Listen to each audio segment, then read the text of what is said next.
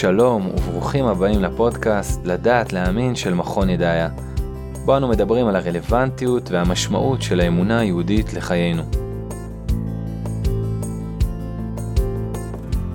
מספרים שרבי שמואל הנגיד, תלמיד חכם, פוליטיקאי דגול, ומגדולי המשוררים העבריים בספרד של ימי הביניים, היה נוהג לומר שאדם שכתב חמשת אלפים שירים ואף לא אחד מהם על העיר ירושלים, איננו זכאי לתואר משורר. לעומת זאת, אדם שכתב ולו שיר אחד ויחיד בחייו על ירושלים, אפשר ואף ראוי לכנות אותו בתואר הנכסף משורר. 932 שנים לאחר פטירתו של רבי שמואל הנגיד, כתב יהודה עמיחי, אולי מי שניתן לכנותו המשורר המודרני של ירושלים, כי ירושלים היא נדנדה. לפעמים אני יורד לתוך הדורות שהיו, ולפעמים אני עולה לשמיים. גם אנחנו, לכבוד יום ירושלים, חשבנו שיהיה זה נכון לצאת קצת מהכאן ועכשיו, מהפוליטי והחברתי, ולהרשות לעצמנו לעלות מעט השמיימה, לנסות ולגעת במשמעות העמוקה של מה שמסמל את עיר הקודש בחזון ובזיכרון של העם היהודי. ברצוננו לשאול היום, מה לתנ"ך יש לספר לנו על הרעיון הלאומי והאוניברסלי של העיר ירושלים, והאם הוא באמת מבשר בשורה של ממש לזמננו אנו. אז בשביל לדבר לעומק בענייני ירושלים, אני שמח לדבר עם אדם שחי את העבר וההווה של העיר, ומעלה את שמה של ירושלים כמעט בכל שיעור שלו שזכיתי לשמוע, דוקטור הלל מאלי. דוקטור מאלי, מרצה לתנ"ך ותלמוד באוניברסיטת בר אילן ובמכללת הרצוג, ערך בעבר את כתב העת בית היוצר למדריכים ומורים בירושלים, ובנוסף לכל אלו, הלל הוא גם המייסד והמנהל המוזיקלי של האנסמבל ניגון ירושלמי. שלום לך הלל. ערב טוב, אהלן, שלום. אז אה, קודם כל תודה רבה שככה ניאותה אה, לשיחה הזאתי. כבוד גדול. ולפני שאנחנו פותחים תנ"ך, כשאני אומר לך יום ירושלים, מה האסוציאציות אה, שעולות לך? יש צמד מילים של אה, זלדה, שהיא כותבת אהוב נושב. זה שיר שלה שמתחיל במילים, אני מצטט אה, לא מדויק, אבל אוויר הרים, אוויר חי, אהוב נושב. מבקש למעננו רחמים מן העליון על כל מקום של בכי, מקום של טירוף, גם חתן, גם כלה, רחמי שמיים מבקשים, שלא יתפורר האופק. בירושלים אריאל הירשפלד כתב, אדם, מכיוון שיש כל הזמן ירידות ועליות ברחובות של ירושלים, היא לא שטוחה כמו תל אביב, אתה כל הזמן או מביט לתהום של גיא בן הינום, או מרים את העיניים אל שמי שמיים. וירושלים היא שמיים, זו אסוציאציה פשוטה בשבילי, זאת אומרת, היא מקום שפותח עבורך, עבורי, לפחות ככה אני מרגיש, לא רק את באר הזמן, את תהום הזמן העברית העתיקה, אלא גם כל כך הרבה תקוות וכל כך הרבה חזיונות וכל כך הרבה חלומות שנחלמו ב... על הכרית הזאת ששמה ירושלים, יש אגדה של, נכון אומרים שיעקב הניח את האבן, אז אם, אם האבן של יעקב היא אבן השנייה, אז ירושלים היא כרית, שעליה יעקב מניח את הראש וחולם לחזור הביתה, ועליה חולמים מאז נביאים וחוזים ומשוררים, אז אני לא יודע אם האסוציאציה, אם לתמצת את התשובה, היא אהוב נושב, או התפילה שלא יתפורר האופק, אבל כך או כך, עיר שבשבילי מחזיקה את התקוות של העולם, את הלב המקווה של העולם. אז אני שומע אותך ואני ישר אה, נפגש כבר באסוציאציות משלי. Mm-hmm. לקראת השיחה שלנו שמעתי שיחה של אדם אציל באמת, שהיה איתנו והלך לירושלים של מעלה, אה, הרב יונתן זק, זיכרונו לברכה. והוא אמר משפט די מדהים, אני אגיד אותו באנגלית ואחר כך אני אתרגם. הוא אמר, someone has told me that Israel is not very long and not very wide, but it's very very deep. כן? ישראל היא לא מדינה כל כך אה, ארוכה, היא גם לא כל כך רחבה, אבל היא מאוד מאוד עמוקה, ונקודת העומק הזאת, כך אומר בהמשך, היא ירושלים, כן? זאת נקודת העומק של הארץ. אז, אה, אז דיברת על החלום ודיברת על החזון, ואתה גם מלמד תנ"ך וגם עוסק בארכיאולוגיה. אז מצד אחד יש כאן גם איזה שילוב של ארץ ושמיים, שהוא מאוד מעניין. אה, אז אם אנחנו רוצים לפתוח תנ"ך ולהבין מה הוא אומר לנו על החזון הירושלמי הזה, אה, איפה אנחנו צריכים להתחיל, לדעתך? אצל ישעיהו, זה ברור. זאת אומרת, התנ"ך מלא חזונות של ירושלים. אני חושב שכמעט כל נביא יש לו את ירושלים שלו, והדמות של העיר שמשתברת על האספקלריה המקראית היא מגוונת ומשתנה לפי הזמן והמועד והנביא. אבל ישעיהו, ישעיהו אה, כתב כמה חזונות מופלאים, והחשוב שבהם, גרתי בניו יורק עכשיו קצת, כתוב שם באותיות, אה, נראה לי בדיל.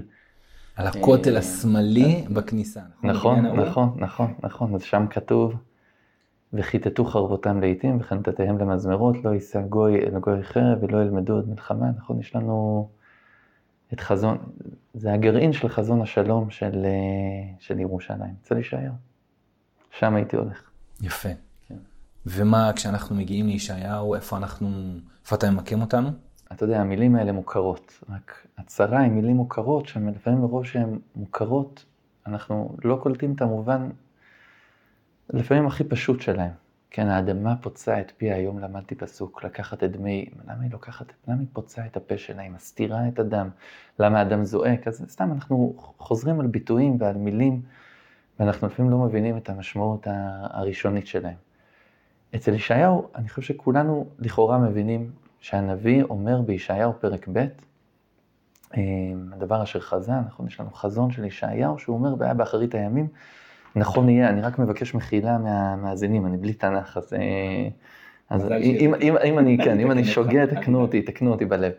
כן, נכון יהיה הר בית השם בראש הערים ונישא מגבעות ונהרו אליו כל גויים ואמרו עמים רבים, לכו ונעלה אל הר בית השם בית אל יעקב ויורנו מדרכיו, תורה אני קורא מהר כדי שלא כן, תתקן אותי, כן, כן. ונלכה באורחותיו כי מציון תצא תורה ודבר השם מירושלים, שפט בין הגויים וכולי.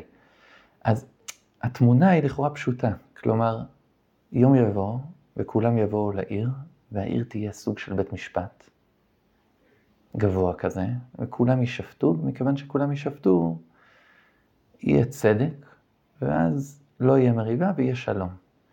אני חושב שאפשר להעמיק בתמונה הזאת של החזון של ישעיהו, ובמובן הזה זה, זה גם לוקח אותנו ממש להווה של העיר, באיזה שניים, שלושה מובנים.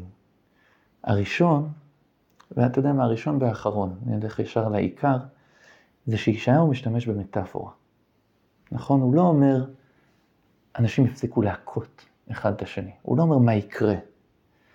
הוא משתמש במטאפורה, ומטאפורה לפעמים היא המפתח הבסיסי ביותר לפענוח הרעיון הנבואי או רעיונות של בני אדם בכלל, והמטאפורה שלו היא מטאפורה של טרנספורמציה. כלומר, וכיתתו חרבותם לעיתים וחנתותיהם למזמרות. זאת מטאפורה מעניינת. למה? כי הוא לא אומר כולם יתחבקו בירושלים, הוא לא אומר כולם, הוא אומר ייקחו את כלי המלחמה ויהפכו את כלי המלחמה לכלי שלום. והשאלה שנשאלת מכאן היא למה ישעיהו מתאר את השלום שיקום בירושלים, שיהיה נכון בירושלים, כשלום שמבוסס על המרה, על שימוש של כלי מלחמה, של פרחים בקנה ובנות בצריח, mm-hmm. נכון? ככה אנחנו כן, אומרים. יש איזה היפוך כזה של, של כלי המלחמה לכלי שלום. לכאורה הוא היה יכול לזרוק אותנו לעולם אסוציאטיבי של דימויים אחרים לחלוטין. למה להשתמש עדיין כאילו בדימויים האלה של כן, ה... פשוט ליצור כן. איזשהו... כן, משהו אחר. עוד ישבו זקנים וזקנות ברחובותיה, ילדים משחקים, נכון, ברחובותיה, ואיש כן. משנתו בידו מרוב ימים, אנחנו כן. יכולים פשוט לתת איזשהו דימוי חיובי, ושמתי כדחוד אה, שמשותייך וכל אבנייך כאבני מקדח וכולי, יכולים פשוט לתת איזשהו תיאור חיובי, מואר של ירושלים כגן עדן, ירושלים כמקום שלם, ירושלים כמקום רגוע, יש לנו, יש לנו את ה... אבל הדימוי של ישעיהו הוא דימוי של מטמורפוזה. ונדמה לי שהתשובה לזה היא, היא פשוטה מאין כמותה. כלומר, הנבואה הזאת נמצאת בישעיהו פרק ב'.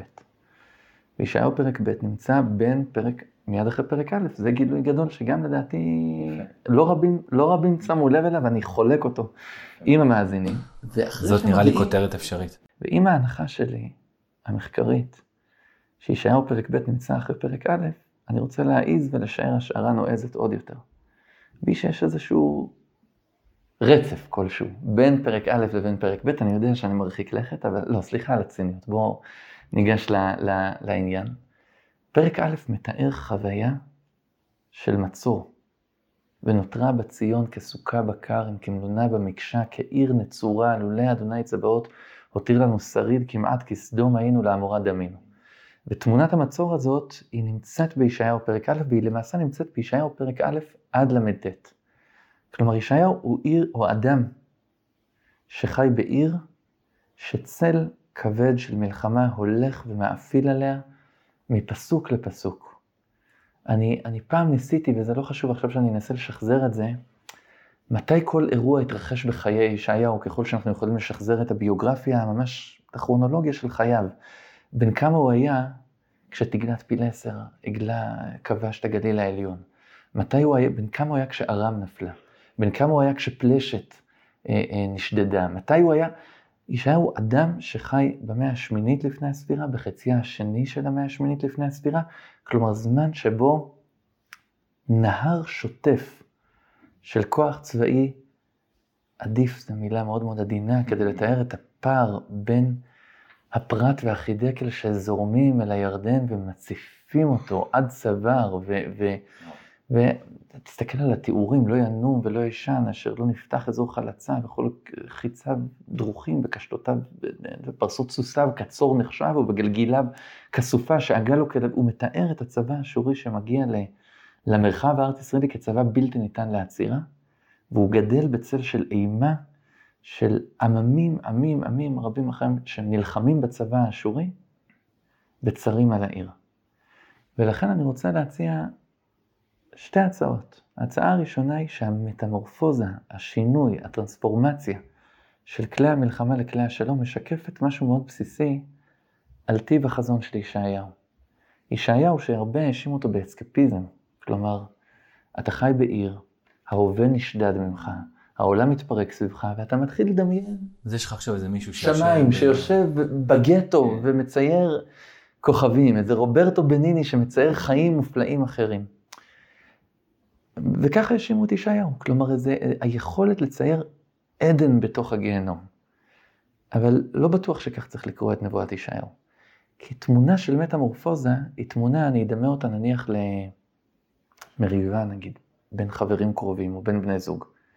אתה שומע שני אנשים צועקים אחד לשני. זה יכול להסתיים הרבה פעמים באהבה, כי הצעקה היא ביטוי הרבה פעמים לתשוקה, או ביטוי לניסיון, נכון, אנשים צועקים, כי הם רוצים לגשר על המרחק, הם מרגישים שהם רחוקים אחד מהשני, אז הם מרימים את הכל.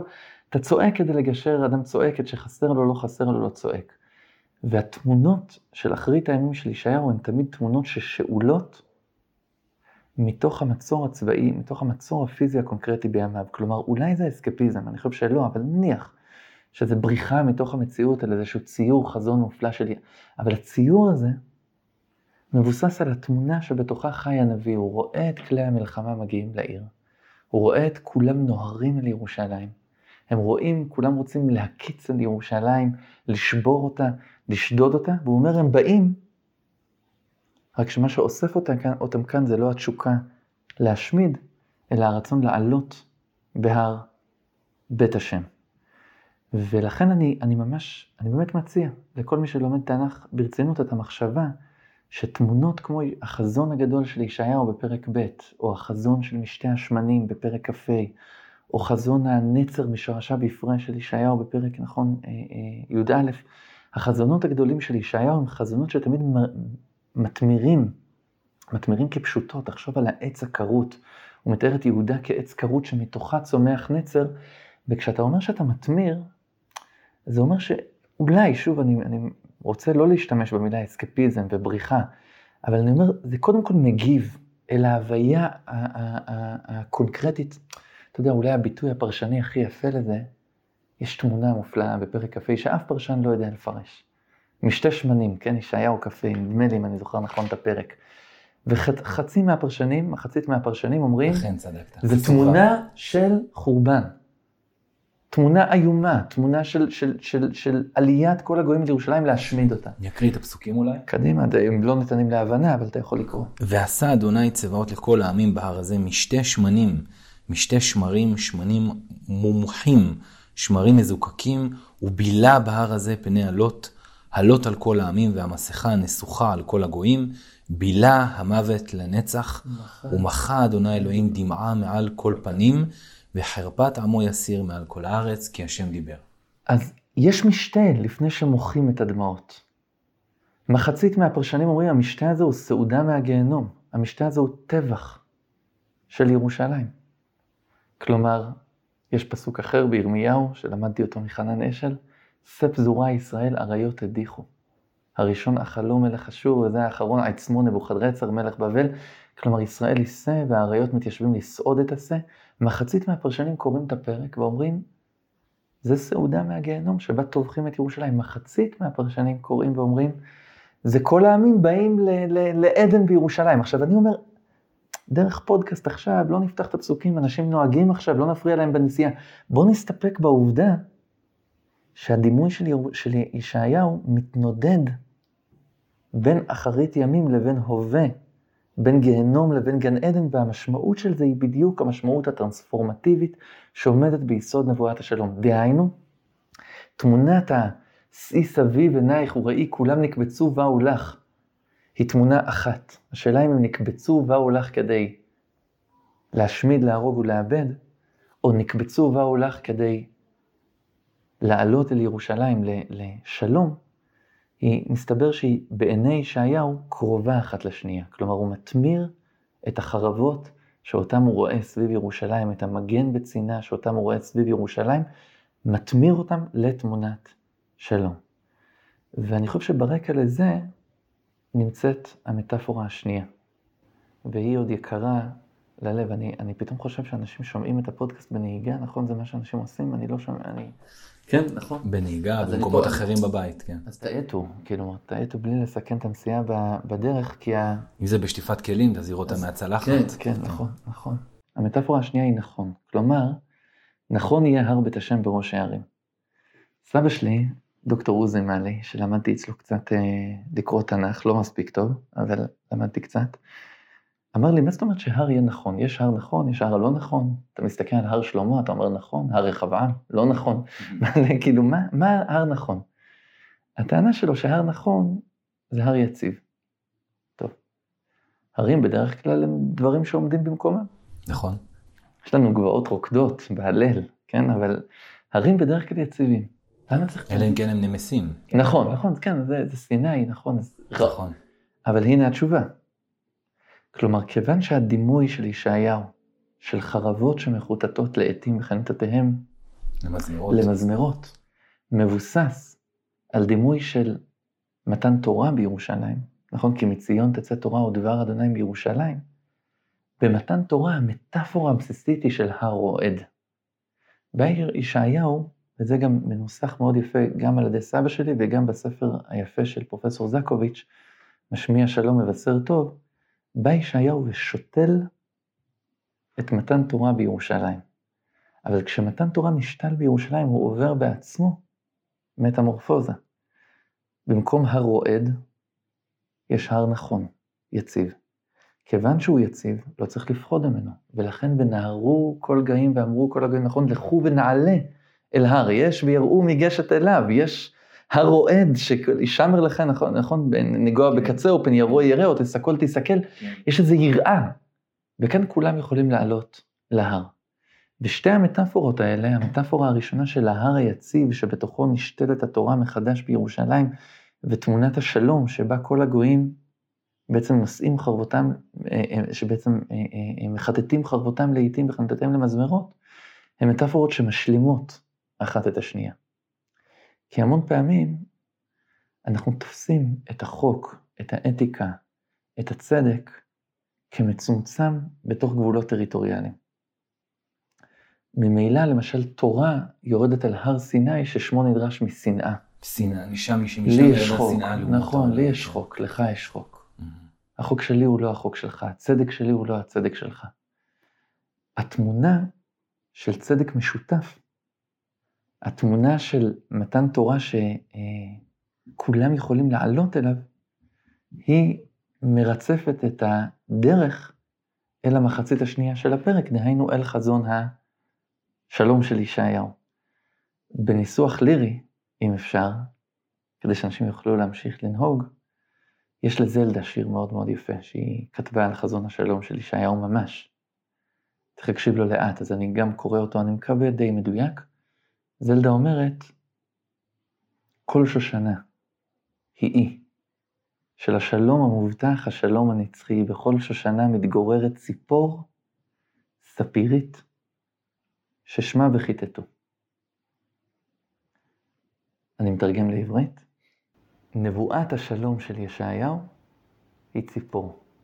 ישעיהו בכלל היה לו עניין עם ציפורים, נכון? כציפורים עפות כן. יגן אדוני אליכם גנון ופצוח הצל ומלט.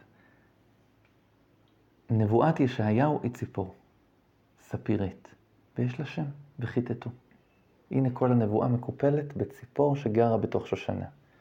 ואז כותבת זלדה, ונדמה כה קרוב אור השושנה, כה קרוב ניחוחה, כה קרוב שקט העלים, כה קרוב אותו האי.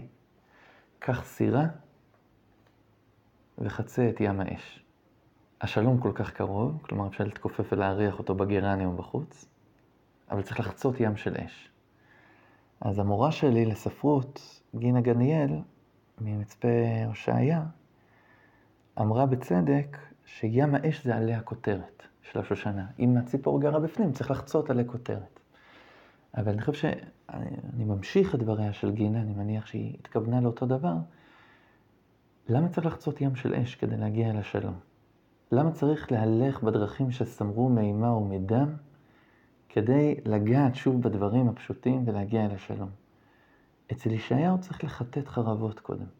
יש לו תפיסה שהמסעות הצבאיים הבלתי נגמרים אל ירושלים מסתירים בתוכם. עוברים מתוכם, מעבירים מתוכם אל התובנה שאפשר להגיע אל העיר ולהיפגש בתוכה. עכשיו, שאלה חשובה שאם אפשר הייתי רוצה להתעלם ממנה. זה מה זה אומר בדיוק בעולם האמונות והדעות של ישעיהו אי שם במאה האשורית הגדולה, במאה השמינית לפני הספירה, תחת הכיבוש האשורי בארץ ישראל. כלומר, לחשוב על זה יותר לעומק, מה הוא בדיוק התכוון. Mm-hmm. אבל אם מותר לעזוב את הימים ההם וללכת אל הזמן הזה בזינוק מהיר, אז אנחנו הרי חווים איך כולם עולים אל ירושלים להשחית אותה ולקוות בתוכה. והמגע בין השניים, הוא הגבול בין השניים, הוא לא תמיד ברור. יש משורר ששכחתי את שמו וזה ממש פשע. עד שתזכור, אולי אני אגיד משהו קטן, כן. שמאוד מאוד מתכתב אה, עם כל הסיפור של המטומורפוזה והשנאה והאהבה והצעקה והדואליות הזאת שקיימת בנבואת ישעיהו, שזה בעצם לא דואליות, זה בעצם ציר אחד, mm-hmm. ציר האהבה וה, והמרחק.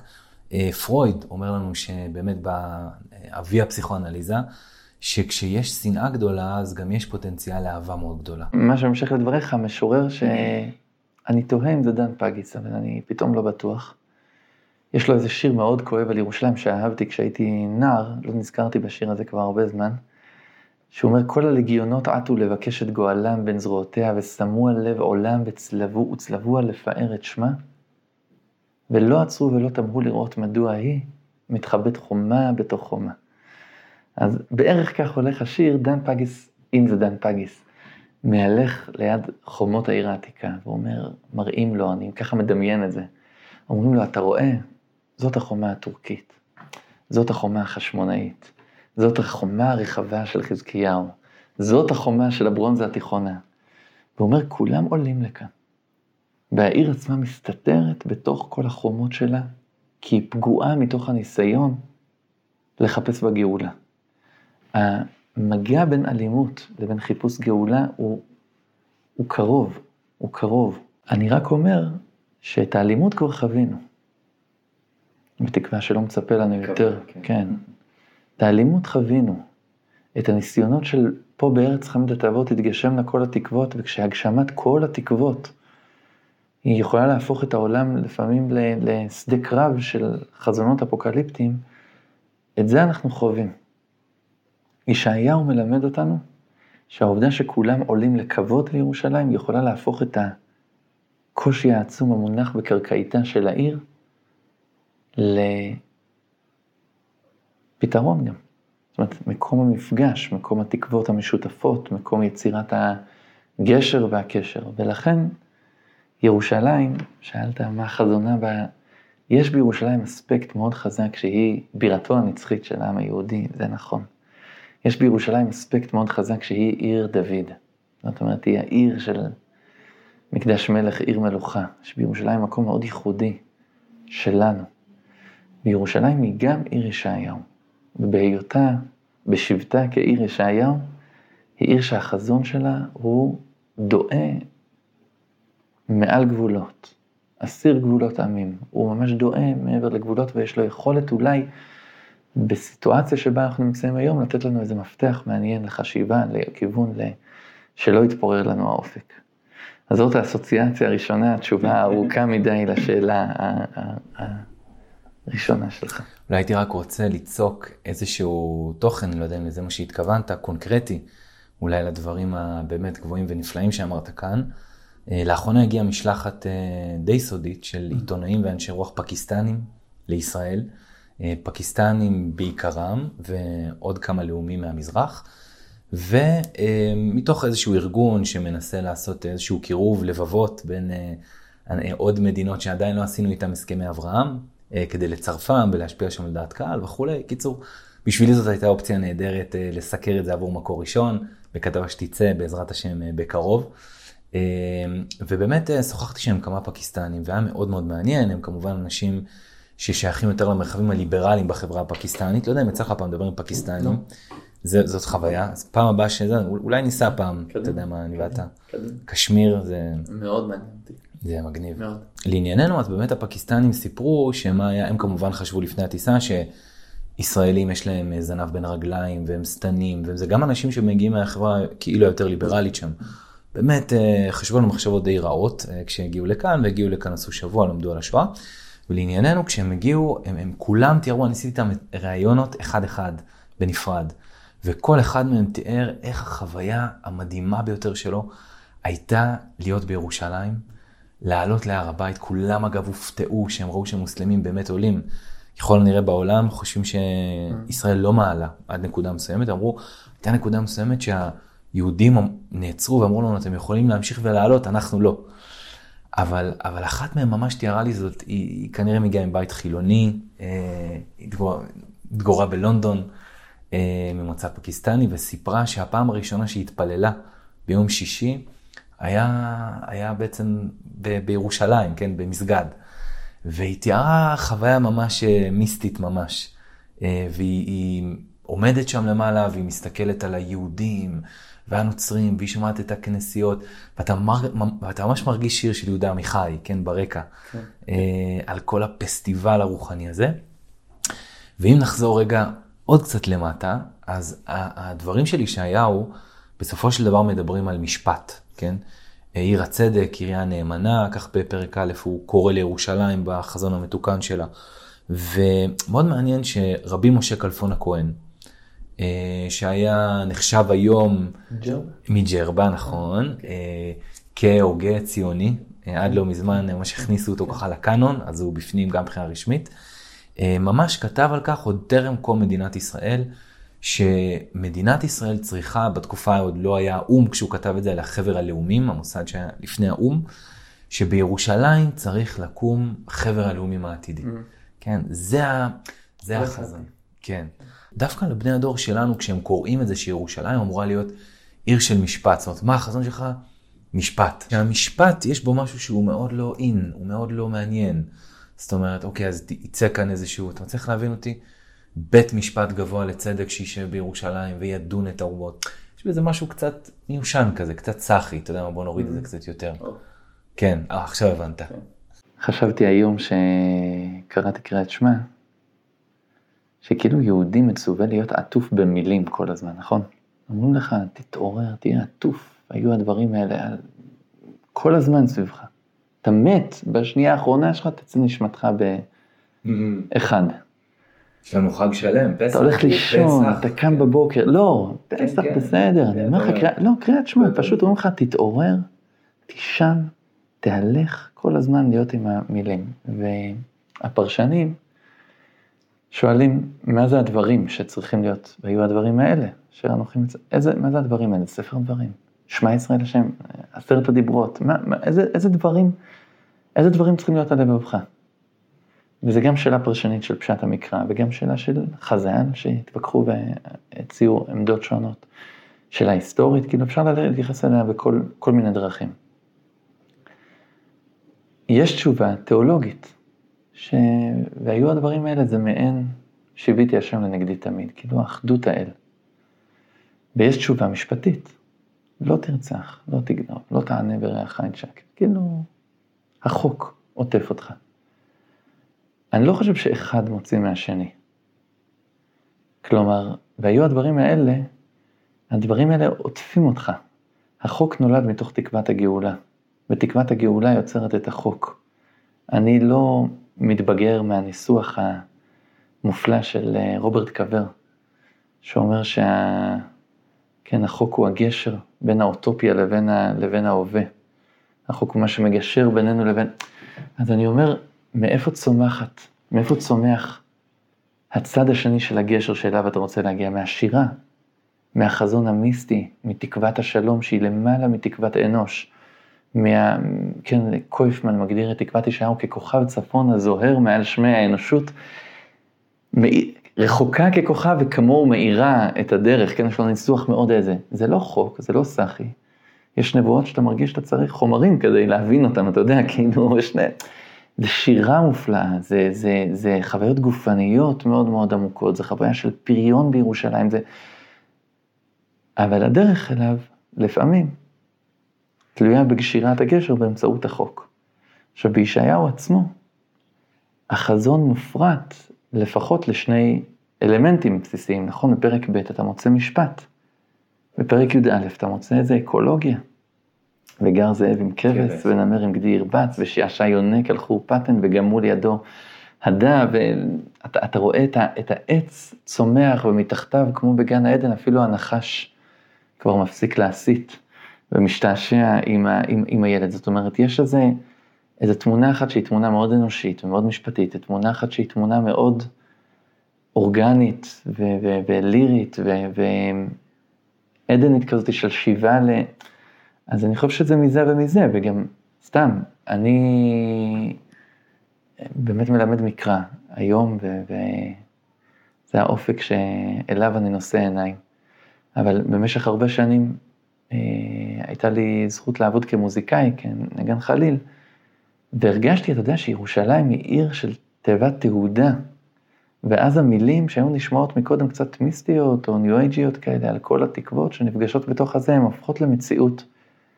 פיזית ממש. קודם כל כי מזרח ומערב ממש נפגשים במוזיקה ובמקום לעצור קרבות הם יוצרים הרמוניה, וזה נהדר. וב' כי, אתה יודע, אתה רואה עיר שתיבת התעודה שלה כוללת את כל סוגי הלחש והטחינה והבכי והתלפי שכל פיות פונים אליו. אז אני אומר, יש לזה מימדים שונים לתקווה הזאת שהיא תקוות המפגש. היא מפגש מוזיקלי, היא מפגש משפטי, היא מפגש אה, אני הייתי ב-NYU, באוניברסיטת ניו יורק, במשך שנה בבית ספר למשפטים. והשתתפתי שם בפורום שנקרא אמיל נועה, שזה פורום של משפטנים מכל העולם כזה, שכל אחד מתמודד עם אתגרים בתוך החברה שלו. ואתה רואה אדם יוצא מתוך כור ההיתוך שלו, וחולק את הדילמות הפנימיות שמעסיקות החברה שלו, עם אנשים אחרים שחיים בחברה אחרת. זה רגע של הערה. זה רגע של הערה, זה רגע של פרספקטיבה אחרת לגמרי, זה היה חוויה משיחית כמעט לראות את זה. עכשיו, לא כואב לי שבניו יורק, חבר שלי שם, האיטלקי, אמר ש... השתמש בניסוח של מיכאל ברור, הוא אמר פעם, אה, מה ההבדל בין ניו יורק לירושלים? כולם הולכים לניו יורק, כולם הולכים לירושלים, אבל בניו יורק כולם הולכים כי הם רוצים להיות ניו יורקרים. ובירושלים כולם הולכים כי הם רוצים שירושלים תהיה שלהם. Mm-hmm. אז פה זה, אז זה היה אמירה שיש בצד קודר, אבל אני אומר... זה מתחבר גם קצת מהצד השני הלא קודר למה שאמרת מקודם על ישעיהו, שהוא רואה את הגויים שעולים. כן? נכון, נכון. מזהה נכון, את הכוונה נכון, האמיתית שלהם. נכון, נכון, נכון. אז אני אומר, בניו יורק ידעו לבוא וליצור שיח. שוב, סליחה שאני נותן לך דוגמה משפטית, מה אני אעשה? זו הדוגמה שעלתה לי לראש. אבל uh, בית מדרש מוזיקלי של מוזיקה מכל העולם כבר קיים בירושלים. כמות המאסטרואים שפועלים בעיר הזאת היא בלתי נסבלת. Mm. נסבלת, היא משמחת. עכשיו אני מבין למה עברת למקרא. כן, כן. הרבה תחרות איתם. כן, כן, היה קשה, היה לא פשוט. מרק הגיע להופיע בעיר, אתה יודע, נשאר. כן. אז אני חושב שזה כבר מתקיים ואפשר לשאת עיניים גם למקומות אחרים שעשו מודלים מופלאים. כוח המשיכה של ירושלים בהקשר הזה איננו נתון בוויכוח. זה... דיברת על קויפמן, הזכרת כן. הערה ודיברת על משיחיות. כן. אני רוצה לכרוך רגע את כל הדברים האלה ביחד, אה, ולקראת סיום לדבר באמת על, אה, אנחנו מדברים לקראת יום ירושלים. ופרופסור חזקאל קויפמן למשל, כשהוא דיבר על המקרא, הוא אמר אחד הרעיונות היסודיים ביותר ששוזרים את התנ"ך כולו, מבראשית ועד דברי הימים, זה המפגש בין אלוהים ואדם. אה, מה שנקרא בקרב חוקרי מקרא הסיבתיות הכפולה. מצד אחד השם משגיח, מצד שני האדם עושה ופועל ויוצר והדברים אינם סותרים האחד את השני. באמת, מקויפמן ועד רבנים, קרב אלחנן סמט, שמים את זה באמת כאחד מעמודי התווך אה, של התיאולוגיה המקראית. אה, והייתי רוצה להקריא לך פסקה משיחית, אתה דיברת גם על מלחמה, גם זה קשור כאן. אה, אחרי מלחמת ששת הימים, האלוף אברהם יפה, מפקד אוגדת המילואים, שלחמה במרכז סיני, אמר את הדברים הבאים. אני מקריא. כחניך השומר הצעיר, אני מוכרח לומר לכם, שלאחר מלחמת ששת הימים התהלכתי בהרגשה שמה שקרה כאן הוא למעלה מההסבר השכלי הריאלי, מעבר להסברים הרגילים. למשל, הוא אומר, ירושלים המאוחדת. אילו שמע אז חוסיין בקול של ממשלת ישראל ולא נכנס למלחמה, ירושלים השלמה לא הייתה שלנו היום. פה קרה מה שקרה לפני אלפי שנים, ויכבד אלוהים את לב פרעה. נכון, אברהם יפה ממשיך שם בהמשך. אפשר להסביר הרבה מאוד דברים באמצעות מושגים של כוח, של עוצמה. אבל לו ראיתם את החיילים של האוגדה שלי, השריונאים, אנשי המילואים, איך שהם הלכו דרך החולות ודרך ביר תמדה ודרך ביר חסנה ודרך כל המכשולים, אז אתם הייתם מגיעים למסקנה שרוח אלוהים אחזה בהם. רוח אלוהים. עכשיו, הטקסט, ה... שוב, אני דווקא אוהב את זה, כי זה לא טקסט ציוני דתי קלאסי כזה, אתה יודע. Mm-hmm. לא ציטטתי כאן את חנן פורת, אלא את אה, האלוף אברהם יפה, ויש בזה איזושהי נימה כזאת של, אה, אני חושב, אולי קצת יותר אותנטי כזה, כן? אני הרבה פעמים כשאני חושב על יום ירושלים, אז אני חושב על איזה מאורע תנכי שהיה באמצע המאה ה-20. איך אתה חושב על, על הדברים האלה? זה מדבר אליך? אתה מסתייג מזה? אני מאוד אמביוולנטי, אה, מזדהה ומפחד מהניסוח הזה של דברים. יש לי חבר חכם, מאיר בן שחר, שפעם למדתי ממנו כמה דברים שקשורים למרד בר כוכבא, והייתה לו טענה הרמנויטית, פרשנית. הוא אמר שכשרבי עקיבא, לפחות לפי המדרשים שמתארים את היחס שלו לבר כוכבא, רצה להצדיק, אז הוא השתמש בשיטה שמוכרת לנו ממגילות קומראן, שנקראת שיטת הפשרים. פשרים. ד, פשרים. דרש, דרך כוכב מיעקב, כן, דורש את המקרא הזה על רבי עקיבא. שיטת הפשרים היא תפיסה שבאה ומזהה את האירוע שמתרחש עכשיו בהווה, כאירוע שמממש באופן קונקרטי מאוד לפעמים, כן. דברי נבואה עתיקה. הבעיות התיאולוגיות, פילוסופיות, קיומיות עם זה ברורות, והתוצאות הפוליטיות ההרסניות של זה נראה לי גם שקופות. אני מרגיש שכן, כמוך, אני הולך, אה, כמו אמיר גלבוע, היינו כחוזרים אל חלום קושרי ניתוקים אל שלם. כלומר, כשאני קורא הפטרה בשבת בבית כנסת בגינה כאן, אה, אז יש איזה הדהוד שכאילו משק הנבואות נושב במפרשי מיתרי הקול, ואתה רואה ככה כעין בעין וכולי. מצד שני, לכוח הזה של פשירת נבואות על ההווה, יש כוח פטליסטי, שאני מרגיש שהפודקאסט הוא חגיגי, אז אני לא כן. לא רוצה להשתמש במילים, אה, כן. באף מילה נגטיבית, אבל הוא כוח פטליסטי מאוד מאוד מאוד מסוכן. ואני מהלך ברחובות של ירושלים היום כמי שמהלך מחד בתור, בתוך נס. השיבה על ירושלים היא סוג של נס. אבל הניסיון, אמרתי את זה מקודם, להגשים בה את כל התקוות, וללכת ולראות איזה, איזה זיהויים של מהלכים גאוליים בתוך חיינו שלנו, הוא יכול אה, להפוך אותה לאזור אסון. זאת אומרת, אה, לפחות ככל שניתן ללמוד מההיסטוריה, וגם מצד האמת, יש לי הסתייגות פנימית מדטרמיניזם אה, כן. היסטורי כזה, כן. ופטליזם כזה, זה כאילו, כן. אני פשוט לא מבין את זה, אתה יודע, זה, אז אני, אני מאוד מזדהה עם מי שמתנגד ועם מי שאוהד, זאת אומרת, אתה יודע, כאילו, אתה חי בתוך תחושה של, יש לרב נריה ניסוח, היינו בשוב השם את שיבת ציון, היינו כחולמים, היינו כחלומים. כלומר, אנחנו, אנחנו מי שנחלם. אבל כשאתה נחלם, תחושת המציאות שלך מעורערת. Mm. אני נגיד, אני יכול לתת דוגמה משיחית, אני חלום חיי היה לנגן עם שם טוב לוי. הוא חלילן דגול, ואני מעריץ אותו, אתה יודע, ממש מוזיקאי מופלא. ואז תן לנו רגע איזה שיר מוכר של שם טוב. שם טוב לוי, הוא ניגן עם אריק איינשטיין, מלך אוקיי. בחוץ ילדה, נגיד, זה שיר שדני רביקוביץ' כתבה Mm. ללחן שלו. מלך בחוץ, כיכר החלומות, אה, בקיצור, אה, הרבה, אני, אני חלילן, אני לא זמר, אז אני לא אשאיר לך בפודקאסט. ו... אני רציתי להופיע עם מטאליקה כשהייתי נער. יפה, יפה. יפה, כן, כן. אולי, אולי, אולי. אולי עוד יקרה, אולי עוד יקרה, קצת. קשישים, אבל אה, כן. הופעתי עם שם טוב לוי, אתה יודע, השקנו אלבום, הזמנו אותו והוא בא. הגיע, שתי הופעות. ועל הבמה הרגשתי שאני לא קיים. כי כשאתה הולך בתוך חוויה שדמיינת אותה, אתה לא יודע מה מתרחש בתוכה. אתה לא רואה, אתה עיוור. יוסף יש לו כל כך הרבה חלומות, אז שכשהוא הולך אל האחים שלה והם מתלבטים להרוג אותו ככה או אחרת, הוא אומר, את החי אנוכי אני מבקש, שיגיד אנא לי. רוצה לתת להם כמו איזה המומינים כזה, אתה יודע, הולך שם, את- איך קוראים לו, זה עם החליל של סנופקין, כן. וואו, רוצה. לבקש את רוצה לבקש את האחים שלו מים, רוצים לזרוק אותך לבור. מישהו שחולם הוא עיוור. הוא עיוור. ועיוורון יכול להוביל להרבה תוצאות קשות. ואני חושב שכאילו המינון גבוה של תחושת הליכה בתוך חלום, הוא גורם לזה שאתה לא יודע איפה אתה נמצא. וכשאתה לא יודע איפה, לא יודע איפה שאתה נמצא, אתה לא חש את המציאות הקונקרטית שבתוכה אתה נמצא, אתה לא יכול לבנות, אתה לא יכול לקשור קשרים, אתה לא יכול, יש בזה, אה, זה, אז אני לא, לא מסתייג בכלל מתחושת המעוף, של שאי סביב עינייך וראי כולם נקבצו באו לך.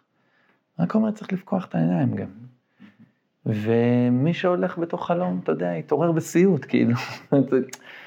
אתה, אתה לא רואה, אתה לא רואה. אז, אז אה, אז אני אסיים אולי עם הדברים של אה, שי עגנון מלפנים מן החומה. כן. הספר הראשון שקראתי של שי עגנון. אה, הוא רואה אתה ידידי יקירי אהובי, אומרת אחת מזקנות ה... זקנות העיר ירושלים, אה, לאותו המספר שמספר איזה חלום, כמו שדיברנו עכשיו. אה, רואה אתה ידידי יקירי אהובי, סבורים על אנשי ירושלים שהם תמימים, ואינם מבינים בהוויות העולם. ואני אומרת לך שאין פיקחים כמותם. ואולי נעשה עוד אינקלוזיו קטן, אז באמת uh, התחלנו מזה שאולי יש אנשים שחושבים שנבואת ישעיהו היא של איזה אסקפיסט, שבאמת, כמו שאמרת עכשיו, חי באיזה חלומות הזויים, מיסטיים כאלה, כשמסביבו הכל בעצם uh, uh, נהרס. ודווקא היום ישעיהו הנביא הוא זה שחרוט על אחד מהבניינים החשובים ביותר uh, שנמצאים בעולם. אז יש מתח, צריך להיות עם החלום. ומצד שני צריך גם אה, סולם מוצב ארצה. ודוקטור הלל מאלי, היה לי תענוג אה, צרוף. הדדי מאוד, היה לי גם עונג להתארח, ושיהיה יום ירושלים טוב, אמן. כן. שיהיה לנו כיף בהודו. אמן, אמן, אני אמן, אוהב הודו, אותך. הלוואי, הלוואי, אוהב הודו. להשם בקרוב. תודה רבה. תודה.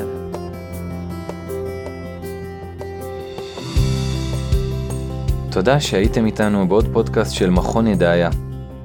חומרים נוספים ומגוונים תוכלו למצוא באתר שלנו לדעת להאמין ובערוץ היוטיוב של המכון.